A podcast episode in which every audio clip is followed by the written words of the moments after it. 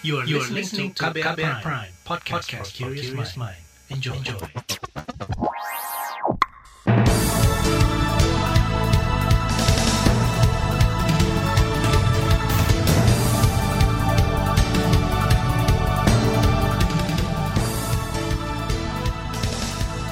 Selamat pagi saudara, senang sekali kami bisa menjumpai Anda melalui program Buletin Pagi edisi Kamis 11 November 2021.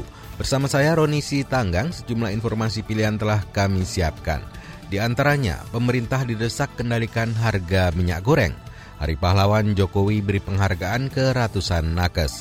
Komnas HAM didesak usut konflik di Intan Jaya. Inilah Buletin Pagi selengkapnya. Terbaru di Buletin Pagi. Pemerintah mengawasi dan mengawal distribusi kebutuhan pokok mulai dari gudang produsen hingga distributor. Langkah itu dilakukan guna memastikan barang tersedia dan tidak ditimbun. Penyebabnya sebulan terakhir harga minyak goreng melonjak sampai Rp20.000 per liter dari sebelumnya sekitar Rp13.000. Kementerian Perdagangan mencatat komoditas lain juga merangkak naik, yaitu cabai merah keriting dan cabai merah besar. Direktur Barang Kebutuhan Pokok dan Barang Penting Kemendak, Izi Karim, memastikan stok bahan pokok mencukupi kebutuhan hingga satu setengah bulan ke depan. Ia mengklaim kementeriannya sudah mengantisipasi potensi kenaikan harga.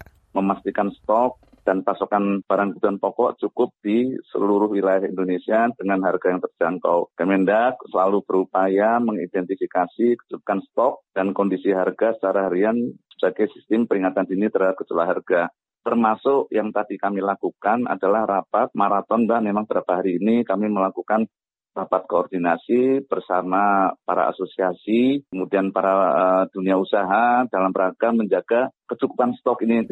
Direktur Barang Kebutuhan Pokok Kementerian Perdagangan, Isi Karim mengatakan telah berkoordinasi dengan Kementerian Perhubungan dan Korlantas Polri. Ini dilakukan untuk menjaga kelancaran distribusi bahan pokok menjelang libur Natal dan Tahun Baru. Sementara itu Dewan Perwakilan Rakyat mendorong Kementerian Perdagangan mengawasi distribusi bahan pangan dari hulu sampai hilir. Anggota DPR Komisi Perdagangan Sondang Tiar Tampu Bolon menuturkan komoditas pangan yang harganya meroket harus dikendalikan. Politikus PDI Perjuangan itu mendesak pengendalian harga pangan setiap hari, bukan hanya hari raya. Dari Kemendak sendiri kami mendorong pengawasan yang melekat terhadap uh, para yang pertama adalah produsen, kemudian uh, kedua adalah para pengepul atau pengumpul dalam hal ini adalah trader-trader sampai kepada di eh, pasar-pasar uh, atau market. Karena kalau tidak secara keseluruhan dari hulu ke hilir pengawasannya, tentu saja ini tidak akan ada yang namanya pengendalian harga begitu. Anggota DPR Komisi Bidang Perdagangan, Sondang Tiar Tambu Bolon berharap pemerintah menstimulus daya beli masyarakat yang masih lesu karena pandemi. Kata dia, jika harga bahan pokok tidak terjangkau, maka konsumsi rumah tangga kian merosot. Karena itu berbagai upaya intervensi pemerintah diperlukan untuk menjaga stabilitas harga. Ikatan Pedagang Pasar Indonesia IKAPI mendesak pemerintah mengendalikan harga sejumlah komoditas pangan yang merangkak naik. Ketua Umum IKAPI Abdullah Mansuri mengklarifikasi mengklasifikasi, mengklasifikasikan dua komoditas pangan yang melambung jelang akhir tahun, yaitu minyak goreng dan cabai. Kenaikan harga minyak goreng bahkan sudah berlangsung selama enam bulan terlihat potensi naiknya tinggi ya sementara beberapa komoditas seperti minyak goreng ya cabai-cabean ya memang potensi naiknya relatif tinggi sekarang otomatis berpengaruh kalau kita bicara daya beli, daya beli belum belum kembali pulih seperti biasa. Kalau pasca PPKM itu sudah mulai relatif baik ya, tapi dibanding tahun tiga tahun yang lalu penurunannya masih cukup tinggi, masih 30 persenan penurunannya. Ya. Ketua Umum Pedagang Pasar Abdullah Mansuri menambahkan, data ketahanan pangan di Indonesia perlu disiapkan pemerintah termasuk data asumsi suplai dan permintaan sebagai acuan untuk menanggulangi lonjakan harga bahan pokok jelang libur Nataru dan ancaman cuaca ekstrem Lanina. Kata Abdullah, sebagai negara produsen minyak sawit terbesar di dunia, harga minyak goreng dalam negeri seharusnya bisa diintervensi. Menurut pakar ekonomi, menjaga kecukupan stok hanya salah satu kunci pengendalian harga pangan. Peneliti Pusat Pangan di Lembaga Kajian Ekonomi Indef, Rusli Abdullah mengatakan, pemerintah harus mengawasi distribusi bahan pokok hingga koordinasi dengan pemerintah daerah. Itu dilakukan guna menanggulangi harga sejumlah komoditas yang melonjak. Karena gubernur, Mbak, bupati, tim pengendalian inflasi daerah. Nah itu pasti tahu tuh mereka udah tahu nih daerah mana yang penghasil ini, daerah mana yang tidak penghasil ini, daerah mana yang langganan inflasi ini, daerah mana yang langganan inflasi cabai, daerah mana yang langganan inflasi uh, ini mbak mereka tahu semua di level kabupaten. Tapi perlu ada tambahan mbak masalah daerah mana yang rawan longsor, rawan apa bencana, sehingga bisa jadi bisa diantisipasi lebih lanjut seperti itu. Peneliti Pusat Pangan di Lembaga Kajian Ekonomi Indef, Rusli Abdullah, meminta pemerintah membuat peta daerah rawan bencana yang bisa mempengaruhi produksi pertanian. Sebab hal ini berdampak langsung terhadap stok dan harga pangan. Selain itu, penindakan hukum bagi pihak yang sengaja mempermainkan harga untuk mengambil untung. Sementara strategi jangka panjang yaitu terobosan inovasi agar bahan pokok lebih tahan lama. Saudara Hari Pahlawan, Presiden Jokowi memberi penghargaan ke ratusan nakes. Informasi selengkapnya hadir saat lagi, tetaplah di Buletin Pagi KBR. You're listening to KBR Pride, podcast for curious mind. Enjoy!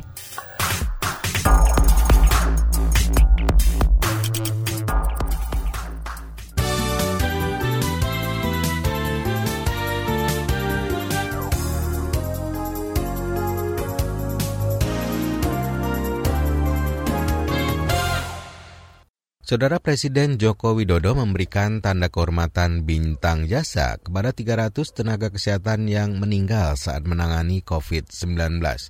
Penerima bintang jasa dalam rangka Hari Pahlawan terdiri dari 230-an penerima bintang jasa Pratama dan 70 penerima bintang jasa Nararia menganugerahkan gelar pahlawan nasional dan tanda kehormatan bintang jasa kepada yang namanya tersebut dalam lampiran keputusan ini sebagai penghargaan atas jasa-jasanya sesuai ketentuan syarat khusus dalam rangka memperoleh gelar pahlawan nasional dan tanda kehormatan bintang jasa sebagaimana diatur dalam undang-undang.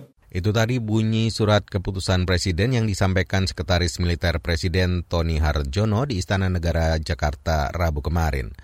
Kepala negara juga menganugerahkan gelar pahlawan nasional kepada empat tokoh tanah air. Mereka adalah tokoh Provinsi Sulawesi Tengah Tombolo Tutu, Kalimantan Timur Sultan Haji Muhammad Idris, DKI Jakarta Usmar Ismail, dan tokoh Banten Raden Arya Wangsakara. Kita ke informasi lainnya. Kementerian Kesehatan belum mengantongi data jumlah penyandang disabilitas dan kelompok rentan yang menjadi target vaksinasi COVID-19.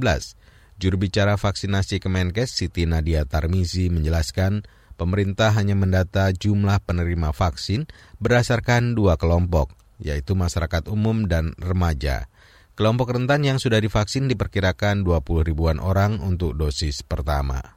Kita juga sebenarnya memonitor ya untuk beberapa kondisi seperti ibu hamil dan disabilitas saat ini eh, tercatat 20 ribu yang mendapatkan vaksin dosis pertama dan 15 ribu eh, yang mendapatkan dosis kedua. Dan memang eh, targetnya ini kan sebenarnya ada pada rentang usia ini sehingga kalau kemudian kita membreakdown lagi ini akan dan datanya juga mungkin eh, sampai saat ini kita tidak punya data yang cukup valid ya untuk kemudian berapa sasarannya. Itu tadi juru bicara vaksinasi Kemenkes Siti Nadia Tarmizi. Berdasarkan data Kemensos melalui sistem informasi manajemen penyandang disabilitas, hingga Januari jumlahnya terdata lebih 200 ribu orang. Sementara itu hingga selasa kemarin total 126 juta atau 60 persen penduduk telah divaksinasi COVID-19 dosis pertama, sedangkan 80 juta divaksin dosis yang kedua. Markas Besar Kepolisian Indonesia mempersiapkan payung hukum untuk merekrut bekas pegawai Komisi Pemberantasan Korupsi KPK yang dipecat melalui tes wawasan kebangsaan. Juru bicara Mabes Polri Rusdi Hartono mengatakan dasar aturan itu guna legalitas perekrutan puluhan ex KPK menjadi ASN Polri. Karenanya kepolisian menggandeng Badan Kepegawaian Negara dan Kementerian Pendayagunaan Aparatur Negara Reformasi Birokrasi proses masih berjalan. bagaimana cara merekrutmennya dilakukan itu masih dalam proses. Kemudian juga sedang dibuatkan payung hukum terhadap pelaksanaan rekrutmen itu. Semua dipersiapkan sehingga ketika dilakukan rekrutmen tersebut dapat dijaga legalitasnya. Itu tadi juru bicara Mabes Polri Rusdi Hartono. Sebelumnya, bekas pegawai KPK membenarkan ada informasi pelantikan sebagai ASN Polri pada Hari Pahlawan. Ex pegawai KPK Juliandi Tigor Simanjuntak mengatakan masih menunggu skema perekrutan Polri. Perekrutan itu menyusul permintaan Kapolri Ristio Sigit Prabowo kepada Presiden Jokowi untuk menempatkan bekas pegawai KPK di Direktorat Tindak Pidana Korupsi Polri. Kita ke informasi ekonomi. Pemerintah berupaya meminimalkan dampak pandemi COVID-19 pada sektor ekonomi, salah satunya menggenjot capaian vaksinasi hingga terjadi kekebalan komunal. Menteri Keuangan Sri Mulyani Indrawati mengatakan penurunan kasus COVID-19 di tanah air diharapkan mendongkrak pertumbuhan ekonomi di kuartal 4. Mampu menurunkan kasus varian Delta secara cukup cepat, secara cukup uh, drastis. Dan ini menyebabkan kegiatan ekonomi kita juga mulai terlihat normal kembali. Kita lihat PMI kita sudah melonjak lagi dan kita berharap ini akan memulihkan akselerasi dari kegiatan ekonomi di kuartal keempat. Itu tadi Menteri Keuangan Sri Mulyani Indrawati. Sebelumnya, Purchasing Manager Index PMI Manufaktur Indonesia pada bulan lalu tercatat berada di level 57 atau naik dibanding bulan sebelumnya yang berada di peringkat 52. Menurut rilis IHS Market, melesatnya PMI Manufaktur Indonesia pada bulan lalu merupakan rekor tertinggi sepanjang sejarah. Presiden Joko Widodo menerima kunjungan Perdana Menteri Malaysia Sri Ismail Sabri Yaakob di Istana Kepresidenan Bogor, Jawa Barat kemarin. Terdapat empat isu utama yang dibahas, di antaranya perlindungan tenaga kerja Indonesia, negosiasi batas negara, pemulihan ekonomi, serta isu keamanan dan stabilitas kawasan. Beberapa isu yang tadi kita bahas dalam pertemuan, yaitu yang pertama mengenai pentingnya kerjasama perlindungan warga negara Indonesia yang berada di Malaysia, mendorong kiranya MOU perlindungan tenaga kerja domestik Indonesia dapat segera diselesaikan. Sementara itu, Perdana Menteri Malaysia Ismail Sabri Yaakob berharap kalangan bisnis dan ahli niaga dari negaranya dapat dilibatkan dalam pembangunan di wilayah ibu kota baru Kalimantan Timur. Ia juga mengapresiasi hubungan penting dan strategis perdagangan dan investasi kedua negara. Kita ke berita internasional. Jepang melaporkan wabah flu burung pertamanya pada awal pekan ini. Kasus flu burung terdeteksi di peternakan unggas wilayah timur laut Jepang. Sekitar 140 ribu unggas terutama ayam telah dimusnahkan. Kementerian Kesehatan Jepang memastikan wabah flu burung ini tidak mengancam manusia. Selain Jepang, wabah flu burung juga terdeteksi di Eropa beberapa pekan terakhir. Sebuah peternakan di Polandia menjadi lokasi wabah flu burung baru dengan total 650 ribu unggas terinfeksi. Kita beralih ke informasi olahraga. Pelatih tim nasional Indonesia Sintayong mengajukan beberapa nama pemain untuk dinaturalisasi, tapi permintaannya tak diproses pengurus Persatuan Sepak Bola Seluruh Indonesia PSSI. Beberapa nama yang digadang yaitu Sandy Walsh, Kevin Dix, dan yang terbaru ada Jordi Amat. Sandy Walsh dan Kevin Dix adalah pemain berdarah Belanda Indonesia. Sandy memperkuat Kevin Mechelen di Liga Belgia, sedangkan Kevin Dix memperkuat raksasa Denmark FC Copenhagen. Sementara Jordi Amat adalah pemain kelahiran Catalunya Spanyol yang berdarah Makassar, Sulawesi Selatan. Ia pernah bermain di Liga Inggris dan Liga Spanyol bersama Swansea City dan Espanyol. Nama Jordi Amat muncul beberapa waktu lalu dan dia mengakui sebagai keturunan Indonesia dan muncul di media terkemuka di Spanyol. Saudara di bagian berikutnya kami hadirkan laporan khas KBR bertajuk Eropa jadi epicentrum pandemi apa langkah Indonesia. Nantikan sesaat lagi. You're listening to KBR Pride, podcast for curious mind. Enjoy!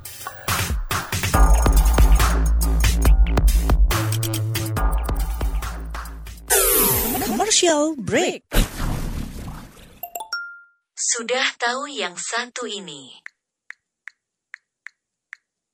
Sekarang kabar baru ada di playlist teman perjalananmu. Kamu masih bisa update dengar berita terbaru sambil dengerin lagu kesukaanmu. Semua bisa kamu dengerin di playlist Daily Drive Spotify.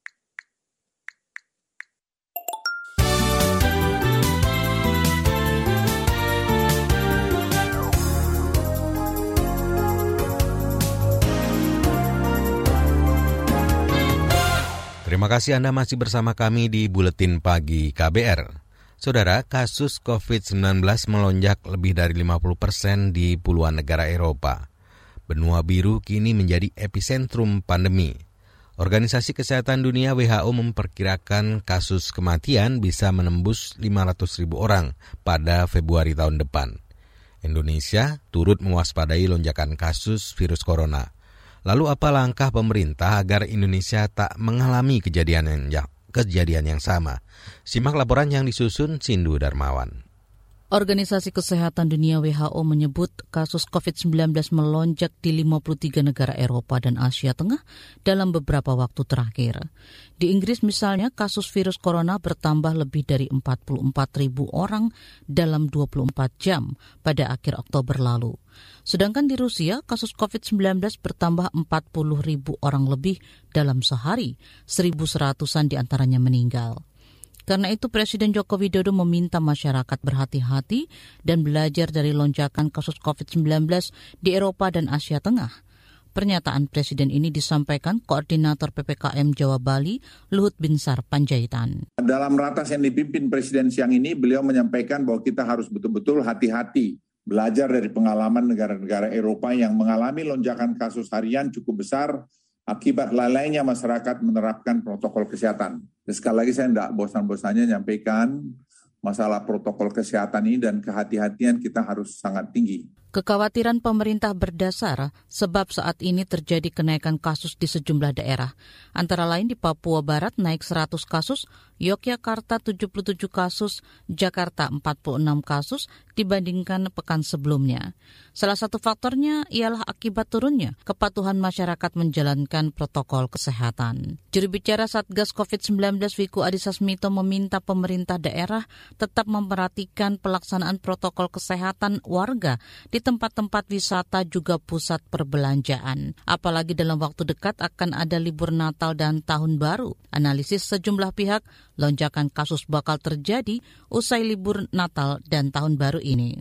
Terdapat sembilan provinsi yang mengalami kecenderungan peningkatan rata-rata jumlah kasus positif COVID-19 pada tujuh hari terakhir dibandingkan dengan tujuh hari sebelumnya, atau sering disebut sebagai seven day moving average. Sembilan provinsi tersebut antara lain Lampung, Jawa Barat, Jawa Timur, Banten, Bali, Sulawesi Utara, Sulawesi Tenggara, Maluku Utara, dan Papua.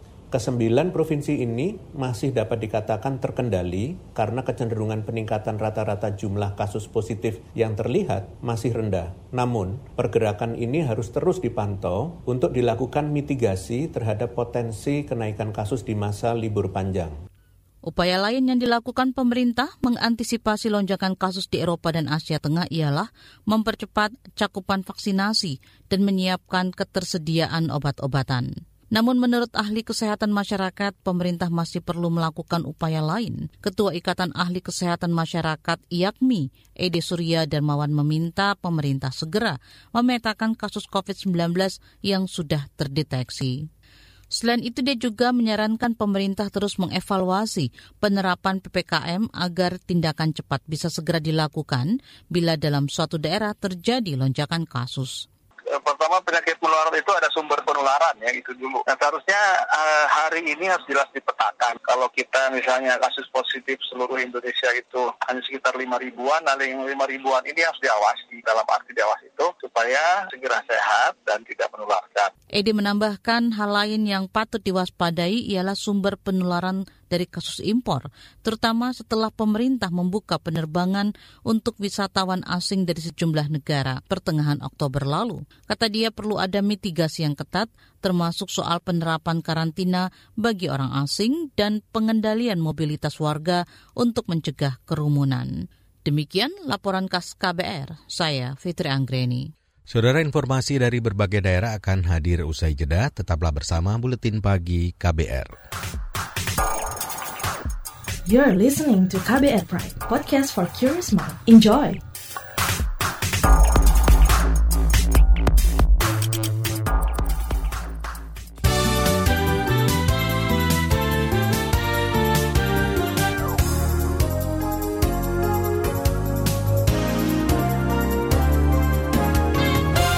Inilah bagian akhir buletin pagi KBR bersama saya Roni Sitanggang. Sekretariat Keadilan dan Perdamaian SKP Keuskupan Timika Papua mendorong Komisi Nasional Hak Asasi Manusia menginvestigasi konflik bersenjata di wilayahnya. Direktur SKP Timika Saul Wanimbo menduga ada pelanggaran HAM pada konflik bersenjata di Intan Jaya sejak 2019 silam.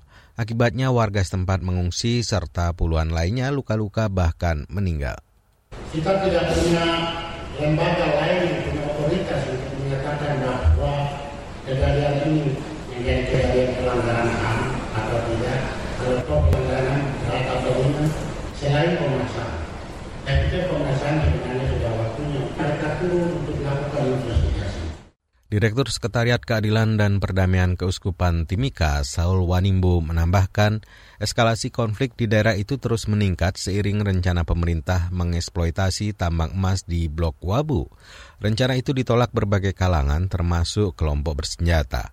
Bulan lalu dua warga sipil usia anak tertembak, satu di antaranya meninggal. Seorang warga sipil kembali tertembak kemarin, korban bernama Agustina Undau. Kita ke Kalimantan Timur. Daftar tunggu calon jemaah haji di Balikpapan mencapai hampir 16.000 orang, padahal kuota, kuota haji tiap tahun hanya 500-an jemaah. Kepala Kantor Kementerian Agama setempat Johan Marpaung mengatakan, jemaah yang mendaftar tahun ini baru bisa diberangkatkan pada 30 tahun kemudian. Alhamdulillah, kita masih menunggu nih. Mudah-mudahan dalam waktu dekat ini ada nanti sosialisasi ya. Hmm. Kami menunggu keputusan Menteri Agama, baik itu terkait dengan umroh maupun uh, haji. Ya kalau menurut uh, informasi itu nanti mereka akan dikarantina lah gitu kan tiga hari seperti itu kan. Nanti kembali ini juga seperti itu. Tapi untuk lebih detailnya kami akan masih menunggu. Kepala Kantor Kementerian Agama Kota Balikpapan, Johan Marpaung, bersiap untuk pelaksanaan haji dan umroh yang keputusannya diumumkan tiga bulan mendatang.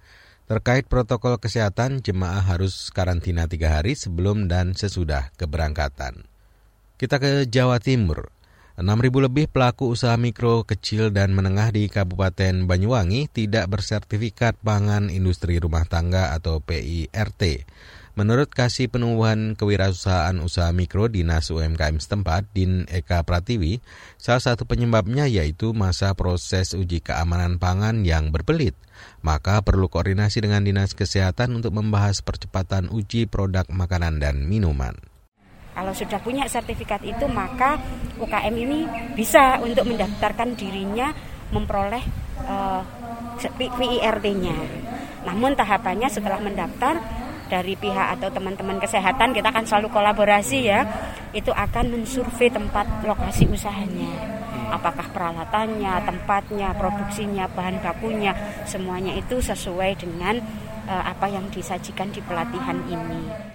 Kasih Penumbuhan Kewirausahaan pada Usaha Mikro Dinas UKM Banyuwangi Din Eka Pratiwi menambahkan, pelaku UMKM harus bersertifikat sebagai penanda pemenuhan persyaratan dan standar keamanan. Penyuluh sertifikat digencarkan guna memperluas pangsa pasar dan meningkatkan kualitas produk. Masih dari Jawa Timur, Badan Penanggulangan Bencana Daerah BPBD Kota Malang mencatat ada 600 keluarga atau seribuan warga terdampak bencana banjir bandang yang terjadi di Kota Batu pada Kamis lalu. Kepala BPBD setempat Ali Mulyanto mengatakan banjir menyebabkan tujuh unit rumah rusak, dua rumah hanyut diterjang derasnya sungai Berantas. Selain itu 170-an rumah terendam lumpur akibat banjir bandang. Sebanyak 400 warga di wilayah itu terpaksa mengungsi dan kini sudah kembali.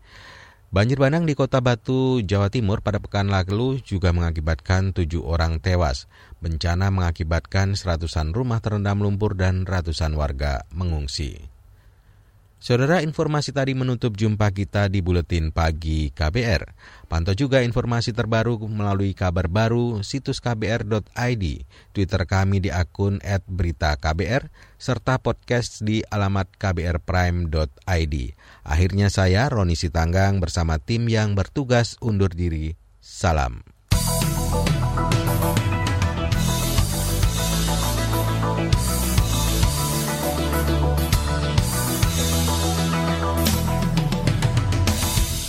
KBR Prime, cara asik mendengar berita. KBR Prime, podcast for curious mind.